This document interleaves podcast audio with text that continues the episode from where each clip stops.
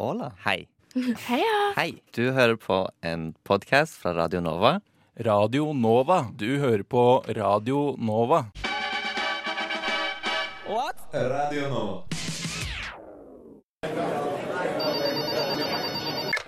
DNB, vær så god. Hei. Hei. Du, dette er Are Ørnvik som ringer. Ja, hei sann. Ja, du, Jeg har nettopp sjekka bankkontoen min, og jeg tror det har skjedd en feil her. Eh, hva er personnummeret ditt? Det er 0711 Takk. Eh, hva med kontoen din? Ja, jeg tror jeg har blitt belasta i overkant mye penger. Uff da, eh, hva får deg til å tro det? Eh, nei, de siste dagene så har jeg kun tilbrakt tida mi på et jorde. og Vi har kjøpt noen pils, litt mat her og der, men, men annet enn det så er det så har mesteparten av tida gått til å nyte musikk og chille i, i sola. Og nå mangler jeg et tosifra antall tusen kroner, og, og ja, da har jeg ikke engang regna med billetten som er brukt, så ja. Ja, så du har mista kortet ditt? Nei. Har du noen konkrete transaksjoner du mener har blitt overført flere ganger? Uh, nei. Nei. Eller Eller om du ser på de ulike kveldene og dagene for så vidt også, så kan det jo Jeg kan umulig ha kjøpt så mange pils. Så du mener noen har eh, gjort det for deg? Ja, eller nei Eller det har skjedd en feil, da. Det må ha vært en feil. Flere dager og kvelder på rad? Ja, ja, Uten at du har mista kortet? ja. Eller Eller en feil, da. En feil. Ja, beklager, men det her blir nok en sak for politiet. Men Ja, men, jeg kan ikke hjelpe men, deg mer. Men hvis Adjø. ah, Hvorfor drar du tilbake til festivalen? Er det de kalde dusjene? Reparasjonspilsen? Er det gleden over å måtte kaste de skitnete og gjørmete skoene som kun er to uker gamle? Kanskje er du typen som til vanlig misliker å få tilstrekkelig med søvn, eller simpelthen bare digger følelsen av ikke ha vann når du trenger det som mest? Ingen av delene, sier du, ok? Men du er fortsatt villig til å dra tilbake? Hvorfor det? Hvilken kraft er det som er sterk nok til å dra oss hele tida tilbake til musikkfestivaler, til tross for at det er så ufattelig mye som skulle tilsi det stikk motsatte? Det spørsmålet det har jeg stilt meg selv mange ganger, og med denne serien her så søker jeg etter svar. Hver episode kommer opp med hver sin kraft og hver sin hovedforklaring. I denne episoden så skal vi se på festival som en arena hvor du kan være deg selv litt mer. Kan eh, endre normer og regler for oppførsel forklare gjentatt festivaldeltakelse? Når vi, vi tenker på å gjøre festival, så betyr det på en måte at eh, festivalen er noe vi på en måte skaper sammen, og som vi på en måte har ansvar for å skape sammen. da. Og det her er, altså Innenfra eh, fra sosiologien så er det her på en måte litt sånn essensen av, av det man kaller interaksjonisme, som er på en måte tanken om at, at vi skaper samfunnet hele tida ved den sosiale interaksjonen som vi har med hverandre. Aksel Tjora, Norges fremste festivalforsker, er sosiolog og ser på festivalen som et mikrosamfunn. Han spør seg hvordan dette samfunnet skaper og etablerer egne regler og normer, og mener dette kan forklare hvorfor festivaler er så populære arenaer som folk har lyst til å tre inn i. de her festivalene varer kanskje tre-fire dager, så, så oppretter man et eget område. Skaper man på en måte ulike sånn en infrastruktur med toaletter og mat og drikkesalg og, og scener og diverse ting. Og det skal eksistere i tre-fire dager, eh, og med mer eller mindre de samme menneskene som er der de ulike dagene. Så man skaper et lite sånn mikrosamfunn som er lokalisert på et spesifikt sted og en spesifikk tid, noen dager. Og det som er på en måte interessen, er på en måte eh, å prøve å finne hvordan skaper man på en måte den, det her samfunnet. Hva slags, hva slags regler og rutiner og mm, liksom sånn handlingsformer er det som, eh, som det her lille samfunnet da eh, består av. Dette samfunnet, som alle andre samfunn, det legger krav på noen kjøreregler, noen normer og regler. Videre så kan man så studere menneskers handlinger for å beskrive dette sosiale miljøet. Og det er her Tjora mener å observere at deltakerne de oppfører seg annerledes enn det de ellers gjør. Når vi har snakket om å gjøre festival, så handler det om å beskrive hvordan folk liksom når man kommer inn på festivalområdet, så innstiller man seg at ja, nå er jeg på festival, nå er jeg ikke hjemme eller på jobb eller noe sånt. Nå kan jeg legge fra meg det. Nå gjør jeg festival ved å liksom forholde meg her, her kan alle snakke med alle. Det er sånn man innstiller seg på. Så man innstiller seg på at nå skal jeg være med og gjøre festival. Og det er noe når alle på en måte innstiller seg på, på det, kanskje på litt ulike måter og sånt, men uh, da handler det om at ok, men da, da, da, legger man på en måte kanskje fra seg noen, noen av de liksom vanlige sånn, la oss si reservasjonene mot å snakke med fremmede og en del sånne ting. Og så går man inn i en litt sånn annen sosial modus, at nå er vi nå er vi hakket mer åpne, nå skal vi ha det gøy, nå skal vi mingle rundt. Eh, og vi kan prate med hvem som helst, på en måte.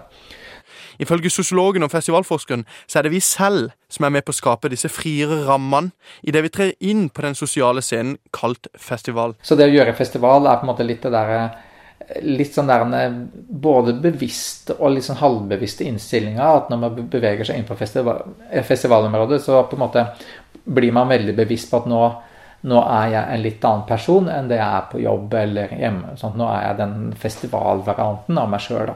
Så det å gjøre festival på en måte, Når vi skriver sånn gjøre festival, så handler det på en måte litt sånn om, om individet sin idé om å være en slags eh, hva si, festivalpraktiserende person. Men det handler særlig om at alle eh, som måtte ha kjøpt billett og går inn på festivalområdet, har en sånn innstilling at nå skal man måtte gjøre festival. Og her er vi altså i kjernen av et interaksjonistisk syn på samfunnet.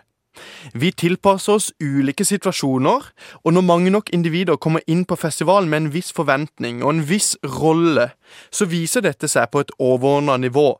Og festivalen skiller seg ut som noe helt eget. Det er jo ikke bare en idé, det er jo også en praksis. Og det betyr at når jeg eh, går inn på festivalområdet, så så tenker jeg sjøl at okay, nå, når jeg er på festival, nå handler det om å bare roe ned og kulen og snakke med folk. Og så, går, og, og, og så går, de andre også inn med den innstillinga, og da blir, det, da blir det veldig mye enklere å liksom mingle rundt og snakke med folk enn det det er i det daglige. da. Så du kan si at det handler veldig mye om eh, den innstillinga, og at det er en innstilling som veldig mange har. Altså til varierende grader og sånt, men altså en, eh, folk flest har, har, en sånn innstilling som gjør at det, si det, det, det sosiale resultatet av hele det kollektive systemet, av denne mikrosamfunnet som festivalen er, det ser ganske annerledes ut enn det samfunnet som man greier å skape til daglig, da, altså på arbeidsplassen, i familien og på andre vis.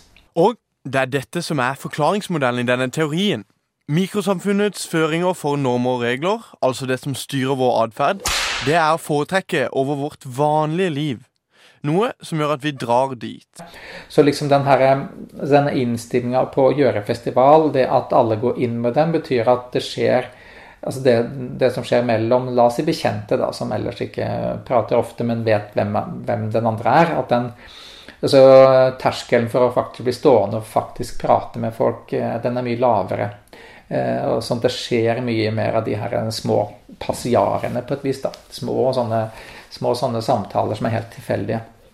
Og, eh, og det, det, som på en måte skjer, den, der, det sosiologiske aspektet der, på en måte, ok, når, ja, når, når folk eh, kommer på en måte og prater med meg, f.eks., så kan jeg oppleve at jeg også blir mer åpen. Jeg bare påvirkes på en måte av det sosiale den sosiale liksom, åpenheten som er litt annerledes. Ehm, sånn at eh, og det er på en måte den her at man alle, alle påvirker hverandre til å bli litt andre eh, varianter av seg sjøl på et vis. Altså du går inn i noen litt andre roller fordi at du Ikke fordi at du bevisst velger det, altså bevisstheten er en del av det, men det er også at du bare trekkes med i det. Fordi at, altså, eh, fordi at alle har en litt større åpenhet, og så merker man sjøl sånn halvveis at man bare blir litt, en litt annen variant av seg sjøl. Denne måten å gjøre festival på, den går beyond det å være snill, pratsom og grei. Den kommer til uttrykk i måten vi kler oss, hva vi spiser, hva vi drikker, og vår vurdering av greit og ikke greit. Eh, en av de sosiologene som har skrevet om liksom sånn selvpresentasjon, Irvin Goffman, har på en måte skrevet om det også, altså type sånn frontstage, backstage, og på, altså sånn hvordan man presenterer seg sjøl. Og det som man kan si på festivalområdet her, er på en måte at den her frontstagen er en litt annen frontstage enn det man har ellers. ikke sant? At man, man eh, velger å på en måte, innta en litt annen sånn selvpresentasjon. Man liksom, tar på seg litt sånn behagelige festivalklær, uh, uansett hva slags klær man går i ellers. Og så uh, og så på en måte er man inn i en litt sånn annen type rolle. En sånn type hyggelig, sosial, utadvendt personrolle. Uansett hvilken rolle man måtte ha i ulike relasjoner til daglig. da. En episode som illustrerer dette godt, og som muligens en gang var inspirasjon til denne forklaringa for festivaldeltakelse, den fant sted på en festival i Tyskland. Og her var faktisk Aksel deltaker selv. Eh, en episode som jeg husker godt fra den ene artikkelen du har skrevet, eh, går ut på at en dame kommer bort til en sirkel mm. og eh, spør om det vil eh, eh, uttale om puppene sine og, og ja, ta på dem. Ja. En, eh, en, helt fremmed gjeng. Ja. Det kan man ikke akkurat si er normal oppførsel, men heller ikke en kjip oppførsel. Hvordan vil du på en måte forklare det? Den altså. Mm, det er noen sånne type oppførsler, atferder, som er ganske sånn uvanlige, på en måte. Altså, som, som, du beskriver en dame som kommer bort og løfter opp genseren og inviterer liksom alle som sitter rundt et bål til å kjenne på puppene hennes, som er veldig fornøyd med og sånt. Jeg opplevde det eh, som en sånn veldig for det første en veldig sånn merkelig ting. ikke? At, eh, fordi at man, Det er sjelden man opplever det, men også en sånn for så hyggelig ting i den forstand at det var ingen som liksom gjorde narr eller lo av den her dama.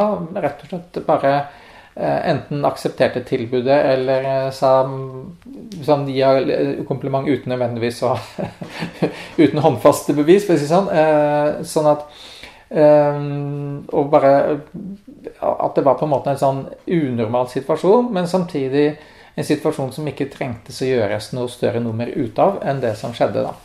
Og det er klart, Hvis det hadde skjedd eh, liksom midt i byen eller på campus på universitetet, så ville man tenkt at her er det en person som trenger hjelp eh, fra noen. Eh, og, men, mens i den situasjonen der tenkte jeg at nei, nei, det er en morsom, litt rar hendelse, men eh, ikke, noe, ikke noe å lage noe nummer ut av. Her er det noen som trenger hjelp, ja. Det sier jo litt om avviket vi aksepterer på festival. Og med større rom for å utfolde seg slik som man vil, så vil jo også det å gjøre festival skille seg fra vårt daglige. Kanskje trives vi best i dette rommet, fordi enkelte av oss muligheten til å utfolde oss akkurat slik som vi ønsker, uten at man blir møtt med stygge blikk og andre sanksjoner som man ellers ville gjort. Har du selv opplevd at venner, eller til og med deg selv, har blitt satt i en annen, kanskje mer utadvendt og åpen rolle på festival? Gir du litt mer faen i hvilke klær du går i, eller har du litt større aksept for skitt og søl på tingene dine? Da jeg spurte deltakere på Open Air Festival i Polen om de hadde sett noe rart rundt dem, så var det få ting de kunne nevne som hadde vært verdt å heve øyenbrynene for. Ja, man kledde seg crazy. Ja, folk fikk være akkurat den de ville. Men på spørsmål om de hadde opplevd noe rart, så var det lite respons å få. Uh, have you seen something weird this festival? No, no. I think everything was ordinary, yes? in my opinion. Til tross for at den mediumstore kommersielle festivalen bød på utallige avvik fra hva man ellers ville gått god for i hverdagen, også i Polen. For eksempel så satt det to karer i naboteltet mitt hvor de drakk øl i hver sin stol. Og på midten så hadde de plassert en hund i en helt egen stol. Denne hunden den var laga av gaffa og tomme ølbokser. You found it? Yes, I found it. What is it? It's a dog. made of? Yes, made of from cans. En annen greie som jo må være verdt en liten grimase, var en vane flere hadde vent seg til utover festivalen hvor du etter hvert gikk rundt og ropte ut navnet til en viss mann som skal ha forsvunnet på festivalen fem år siden. Og dette gjorde de ved jevne mellomrom. Til alle døgnets timer. Greia den er kjent fra flere festivaler, men jeg har ennå ikke opplevd den utenfor en festival. Og takk for det. Festivalens normer og regler den avviker fra våre egne, og den kommer til som følger av at vi utspiller de. Vår måte å spille på disse normene og, og reglene de blir så forsterka og spredt ved hjelp av at vi mennesker vil har en tendens til å speile oss selv i andre. Alle som har vært på festival, de vet at oppførselen innenfor festivalens vegger vil være annerledes sammenlignet med utenfor. Også Ina. Hun er tidlig i 20-årene og har kort hår og et vennlig smil. Hun er en trofast deltaker på Øyafestivalen og lykkelig deltaker på Roskilde tre år på rad. Det er jo ekkelt når jeg tenker på det nå, men det er jo litt sånn Noen ting er greit å gjøre her, og noen, noen ting er greit å gjøre der. Det er litt sånn det funker, egentlig. Og jeg kan jo si at jeg også satte meg ned og gått på do overalt på Roskilde, fordi det er det alle gjør der. Og jeg ville ikke gjort det i dag. Sånn, det, det skjer jo ikke. Men jeg tror bare at det, man blir helt sånn blind på det, da. Hva er det som er greit og ikke greit? Og Roskilde det er veldig godtatt at ting er ekkelt, og kanskje det er fordi du ser så mye ekkelt også, så blir du litt ekkel selv. Du tenker at der og da så er det ikke ekkelt? Åpenbart. Nei. Absolutt ikke. Hvilke, jeg ser, hvis jeg hadde gått for å skulle sett en rad med jenter liksom sitte på kne og tisse, tenkte jeg ikke noe av det. Hadde jeg sett det på vei hjem på Løkka, så hadde jeg jo tenkt hva er det som skjer nå, hvem er disse menneskene? Hvilke andre friheter tar man seg på festival som man ikke gjør i det vanlige? Det er jo på en måte det med at det er kanskje ikke det Ja, når du er på festival, da, og du drikker øl, da, så har du noen ølkopper. Og jeg legger veldig godt merke til at folk bare slipper de ned på bakken. Som om eh, det er ikke mitt problem. Jeg tror at folk mm, bare blir litt sånn Bryr seg ikke, da. Og du kunne ikke bare ha sluppet en kopp på bakken på, i Oslos gater og tenkt at noen andre plukker opp den for meg. Det er ikke sånn det er. Men på festivaler så bare tar vi det litt for gitt at det er masse frivillige som plukker opp søpla, søpla mi, så da trenger ikke jeg å dytte den her ned i riktig I hvert fall sånn på Øya. Jobbet der som frivillig et par ganger. Og folk er så dårlige Øya er den beste festivalen på kildesortering og passer på miljøet. Men menneskene på øya bryr seg så lite om hvor de kaster ting. Og folk tar også festivaler litt som på at nå har jeg ferie, og nå kan jeg bare drite i alle andre og miljøet mitt. Noe som er egentlig litt kjipt. Vi skal snakke mer med Ina, men før vi gjør det, så vil jeg gjerne spørre Tora om en siste ting. Eh, til slutt på dette punktet her, kan du snakke litt om viktigheten av å kanskje være litt mer omtenksom og være litt mer obs på sine omgivelser på festival? At det er viktig Ja. å ta vare på hverandre? For det ble jo Ja, nevnt i denne har, artikkelen. Ja, vi har på en måte sett på det å ta vare på hverandre som et sånt interessant aspekt ved festivaler. Det er jo enkelte sånne situasjoner hvor man ser det tydelig. Det kan handle om det kan handle om en, eh, en, en person, en ukjent, som har tatt et par øl for mye ikke sant, og sklir i gjørme og sånt. At man hjelper vedkommende opp. Det kan handle om eh, det kan handle om noen som fryser og har tatt for seg for lite klær. At man låner bort et skjerf eller et pledd eller en jakke eller et eller annet sånt. Det kan være at eh, Det er særlig, særlig noe som er observert når jeg har vært på de her campingfestivalene, at noen kommer innom som man ikke kjenner og på en måte slår seg ned. Så er det så naturlig at man spør om man vil ha en kaffe eller en øl eller hva man måtte ha å kunne tilby. Så det er litt den så det ene er den spandable på en måte der. Det andre er det som er knytta til, til det, måte hjelpe hverandre og sørge for at alle har på en måte en god opplevelse. da. Og det, særlig så er jo det når, når det er veldig mange folk tett sammen, så er det jo alltid en risiko ikke sant, for at det er noen som eh, ja, skader seg, eller eh, på en eller annen måte eh, som eh, kommer litt sånn skeivt ut. Eh, og at på en måte at det er en sånn stemning, en mentalitet og en sånn rutine på at alle, alle hjelper hverandre opp. Og nettopp det har Ina kjent på kroppen. Året er 2015. Du er på Roskildefestivalen for aller første gang. Du har stått i kø i nesten et døgn utenfor den inngangen hvor du sitter og camper og sover under presenning mens det pøser ned, fordi du må jo få de beste plassene. Gikk fra å regne til stekende sol, så alle er solbrente og slitne og utmattet. Jeg og venninnen min som skal dele telt, løper inn på festivalområdet og frebilsk prøver å finne ut hvor er det egentlig man setter opp teltene sine. Er det innenfor disse firkantene? Å nei, det er noen firkanter som ikke kan brukes til å sette opp telt. Greit. Endelig så finner vi et område vi tror er greit, da. Og så sier jeg ok, bare ta ned teltet fra ryggen min, da. Så sier Kine Ina, hvor er teltet? Det er på ryggen min. Nei, det er ikke noe telt her. Og det er Vi får en åh, Jeg vet ikke hva jeg skal si engang, fordi den følelsen av panikk og fortav, helt fortapt Hva er det jeg skal gjøre? Jeg har ikke teltet. Teltet har enten falt av. Jeg liker å si at det ble stjålet, fordi jeg vil ikke innrømme at jeg ikke klarte å knyte det fuckings teltet hardt nok på sekken min. Vi legger fra sekkene på bakken og spurter og sier til vennene våre 'pass på her, vi kommer straks, vi må bare finne teltet'. Løper tilbake til den søppeldynga som er igjen ved inngangen, og det er støv og mennesker og kaos overalt. Finner jo ikke det teltet. Jeg tror vi er der i kanskje ti minutter før vi løper tilbake igjen, for vi kan ikke la vennene våre bli stående der borte. Og da kommer vi tilbake igjen til at bare sekkene våre ligger på bakken helt alene. Vennene våre er borte og vi skjønner ingenting.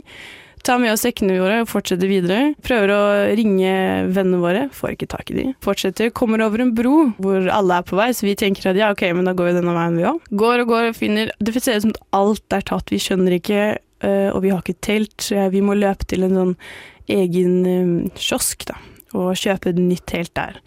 Som er helt ok, det er helt basic telt, men likevel det nederlaget å måtte stresse og finne et nytt telt. Så kommer vi oss til et område som heter Silent and Clean, og vi setter opp teltet der. For vi får jo ikke tak i venner, vi vet ikke hvor de er campet, jeg vet ikke hva vi skal Vi bare setter det ned, har det plass. Finner ut at dette er et område hvor det skal være stille etter klokka 11, eh, og det skal være ryddig overalt. Og vi, da, 18-åringene som er klare for å feste mad mye, vi tenker at vi kan ikke bo her. Det er 23 klokken, altså klokken 11 skal det være stille, det går jo ikke. Så vi sitter Jeg husker det øyeblikket så utrolig godt, at vi sitter inne i det Roskilde-teltet, lyseblått, og er som en sånn mikrobølgeovn, for det er så tett der inne. Så sitter vi og gråter begge to, og er så lei oss over at vi ikke er med vennene våre. Vi er på en skikkelig kjip camp, og noen har tatt teltet vårt, og bare Det er ikke det vi forventet oss i det hele tatt. Hva er det vi har sagt ja til, og dette er bare dag én. Endelig så ringer vennene våre vi forklarer hele situasjonen, men så sa de 'kom hit, vi har plass, dere må kjappe dere, for ellers så blir det tatt'. Og så tenker vi 'ok, fuck it, vi bare gjør det', men vi gadd ikke ta ned teltet, så vi bare løsnet det fra bakken og bærte det som en sånn stor sånn saccosekk på vei til der hvor de andre var, da. Og på veien så husker jeg at det kom flere bort og liksom for de så at vi hadde grått sikkert, eller et eller annet. Så kom det, jeg husker en skikkelig hyggelig fyr kom bort og ga meg en veldig, veldig god klem. Og han bare 'Det går bra. Det ordner seg'. Og jeg bare den, Det ga meg så mye styrke. Vi klarte å komme oss tilbake til eh, vennene våre, og da hadde vi endt opp i en sånn bitte liten et lite hull blant masse telt, så vi var i midten av en sånn stor firkant. Fant ut senere at det skulle være litt dumt, fordi da fant annet gutteteltet ved siden av oss, det var veldig lurt å tisse i poser og kaste de bak seg da inn i vår uh, sirkel. Men annet enn det så var det prima. Og da ble Camp Torsken, som vi het, satt opp, uh, hvor vi hadde en liten sånn fisk da, som hang på en stang, og alle fikk fisketatoveringer fra TGR. Denne klemmen er jo veldig interessant etter dere hadde fått kjøpt et nytt telt, for så å bli oppringt av vennene og fått beskjed om at det er en plass der ute. Yeah. Og på veien dit så får du en klem. Hvorfor tror du Du sa han kanskje så at dere hadde grått. Hvorfor tror du han kommer bort til deg og gir deg en god klem? Jeg føler egentlig det representerer bare hele den stemningen Roskilde er, fordi de snilleste menneskene jeg har møtt, er på festival. Så for alt jeg vet, så kunne han vært tura på et eller annet eh, dop og bare hadde lyst på en klem, men for akkurat det øyeblikket der hvor du føler at alt er galt, og dette kommer ikke til å gå, skal jeg være her i åtte dager og ikke ha noe på stell? Og så kommer det en helt fremmed mann bort til meg og klemmer meg og sier, tenker at dette kommer til å gå kjempefint. Det er Nei, det satte også stemningen for resten av festivalen fordi da fikk jeg det håpet om at det er bare snille mennesker her, eller liksom det er folk du kan stole på her, da. Det er ikke bare de tre vennene mine, men det er en kjærlighet her, da, som jeg ikke kunne funnet på, la oss si, Øya, for eksempel. Men tror du han var på dop? Mm, nei, jeg tror ikke det. Nei. Jeg tror den var, det var for genuint og altfor ekte. Jeg tror han skjønte situasjonen utrolig godt. Men, eller det liker jeg å tenke, da. At uh, han så at dette var noen to triste jenter som ikke visste hva de hadde gått til, og han skulle bare gi en liten uplifter, tror jeg. Ja, Så du, så du tror på liksom, det du sier der, at det er en kjærlighet der ute liksom, på Roskilde? Absolutt. Mhm. Det er det, de menneskene Jeg føler alle forandrer seg på Roskilde. Jeg vet ikke om de er så hyggelige til vanlig, men jeg føler jeg kunne gått bort til hvem som helst og blitt bestevenner med de. Eller bare ikke, Kanskje ikke beste, men bare ha det fellesskapet. Da. Det går gjennom alle som er på Roskilde. Det er 50 000 stykker som bor der, og alle er Jeg har aldri møtt et ondt menneske på Roskilde. Utenom den som stjal lommeboken min. Men eh, ellers bare hyggelige folk. Og jeg vet ikke om det er bare fordi hyggelige mennesker vil på Roskilde, eller om Roskilde gjør et eller annet med folk. Jeg vet ikke. Det er, ja, det er noe spesielt. Og det er ikke så rart at Ina ikke er helt sikker på det. Om det er festivalen som gjør folk hyggelige, eller om folk på festival er hyggelige. Men som vi har hørt tidligere, så mener jo festivalforskeren vår at mye av takken den kan vi gi oss selv. Med den innstillinga vi kommer til festivalen med. Likevel så kan vi takke festivalen. Fordi det er jo dens eksistens og avgrensede område som gjør at vi kan trekke frem disse bestemte sidene ved oss selv. Dette er også noe Asbjørn, den rutinerte musikkelskeren, kjenner seg igjen i. Han har deltatt på festival 33 somre på rad, og allerede ute på høsten så er mannen og vennene hans i gang med planlegginga av neste års festivalopplevelse. Er det en type mennesker, tenker du, eller er det Nei, jeg tror ikke det. Jeg, jeg tror ikke menneskene som kommer til Roskilde er så veldig annerledes enn andre mennesker, men jeg tror Roskilde kanskje er med på å hente ut den bedre delen av dem. mm, Hva de henter ut? Eh, den delen som gjør at du er raus og positiv, og er med på leken. Jeg tror faktisk det er riktig å si at det skjer noe med folk når de kommer til Roskilde. Du kommer inn i en slags stemning som du ikke kødder med. Eh, og den stemningen er god. Det plantes en følelse og idé av at eh, dette klarer vi sammen, hvis vi bare oppfører oss. Og det går jo helt utrolig bra. Det, jo, altså det er jo unge mestre mennesker for en stor del i den mest energiske Mm. perioden av livet. Og som sagt, det blir jo masse køer, og det kunne blitt knuffing, og det Alle disse premissene som normalt da, i julebordsesongen eller sånne Mm. type ting, eh, er en forutsetning for at det oppstår sånn slåssing eller vold eller sånne type ting. Men det er det omtrent ingenting av. Men Jeg husker eh, på Raskilde, det var vel på slutten av Jeg tror det var på mm, slutten av 80-tallet. Så var det pa, et par som sto foran meg i menneskemengden foran den store hovedscenen. Eh, som jeg så liksom knuffa og krangla litt, eller noe sånt. Og så plutselig så slo han til henne sånn ordentlig hardt. Og da, det som skjedde da, var at de som sto rundt, eh, som var tilfeldige mennesker, umiddelbart tok tak i han som slo, og bare eh, slepte han nærmest. Dro, bar og slepte han bort til yttergjerdet. Og så bare kastet de han over det. Måtte han var sikkert 2,5 meter høy, så de måtte ha han opp og over der. Så bare kastet de han ut av festivalen. Men, men det jeg opplevde da, var jo Han kødda med stemningen. Han Sånn gjør du bare ikke på Roskilde. Ikke sant? Du har ikke noe her å gjøre hvis du ikke skjønner at dette er helt uakseptabel oppførsel. Så det var en slags en slags borgervernreaksjon. Men en veldig Jeg syns det var veldig deilig å se hvor, hvor det, hvordan det blir gjort så resolutt. Sånn, ha deg vekk. så, og det tror jeg Da tenkte jeg at det, dette er fordi han ikke fulgte spillereglene. Det ville ikke vært akseptabelt på gata i Oslo eller noe som helst sted, men jeg tror ikke eh, Hvis det hadde skjedd på Karl Johan, så tror jeg ikke de rundt kanskje hadde reagert på samme måten. Ikke sant? Um, vet- ja, det vet jeg jo ikke, men jeg tror ikke det. Og det er omtrent den eneste voldsepisoden jeg har sett i løpet av de eh, 33 somrene jeg har vært på Roskildefestivalen. Altså.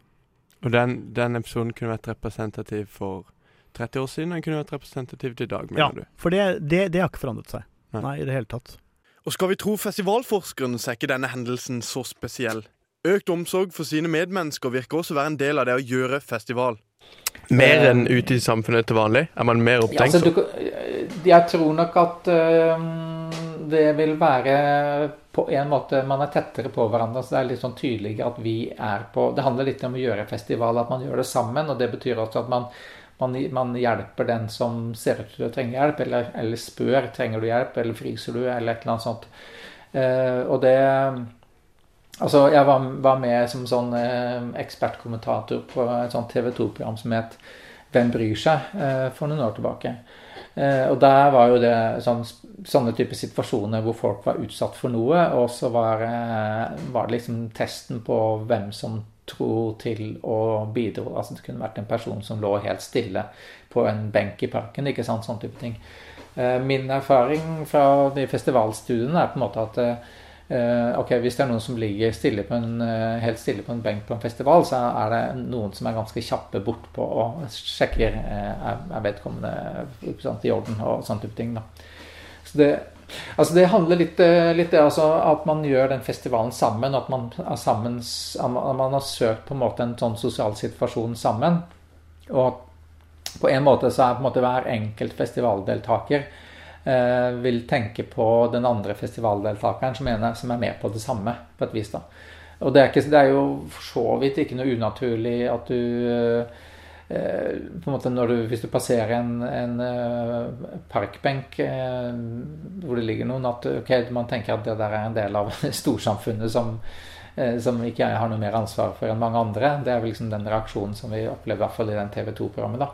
Ehm, festivalen så er det på en måte noe at okay, man gjør den festivalen sammen. Og hvis det er noen som eh, si, eh, blir ille utsatt for et eller annet på festivalen, og du kunne ha gjort noen ting, så, så vil det føles eh, som, som veldig eh, Altså du har på en måte an, et type ansvar for, for å eh, for hverandre på en måte på en, på en festival, fordi at man er med, med på eh, samme opplegg. I denne episoden har vi prøvd å forstå festivalens popularitet ved å se på måten man oppfører seg på festival. Tjora beskrev festivalen som et mikrosamfunn, og snakka i den forbindelse om endra regler og normer. Vi snakka med Ina, som mente å ha sett verdens snilleste folk på festival, idet hun beskrev en helt egen kjærlighet der ute. Til slutt så fikk Asbjørn komme til orde, hvor han da forklarte at innstillinga var helt essensiell det man skal delta på en festival. Han kunne også fortelle om at det å hjelpe andre det var en viktig del av det å gjøre festivalen i, i dette mikrosamfunnet. I neste og siste episode av denne miniserien skal vi se nærmere på det litt vage begrepet festivalstemning, som vil vise seg å bestå av en rekke ulike elementer. Er svaret jeg streber etter mer sammensett enn det jeg ønsker at det skal være? What? Radio Nova.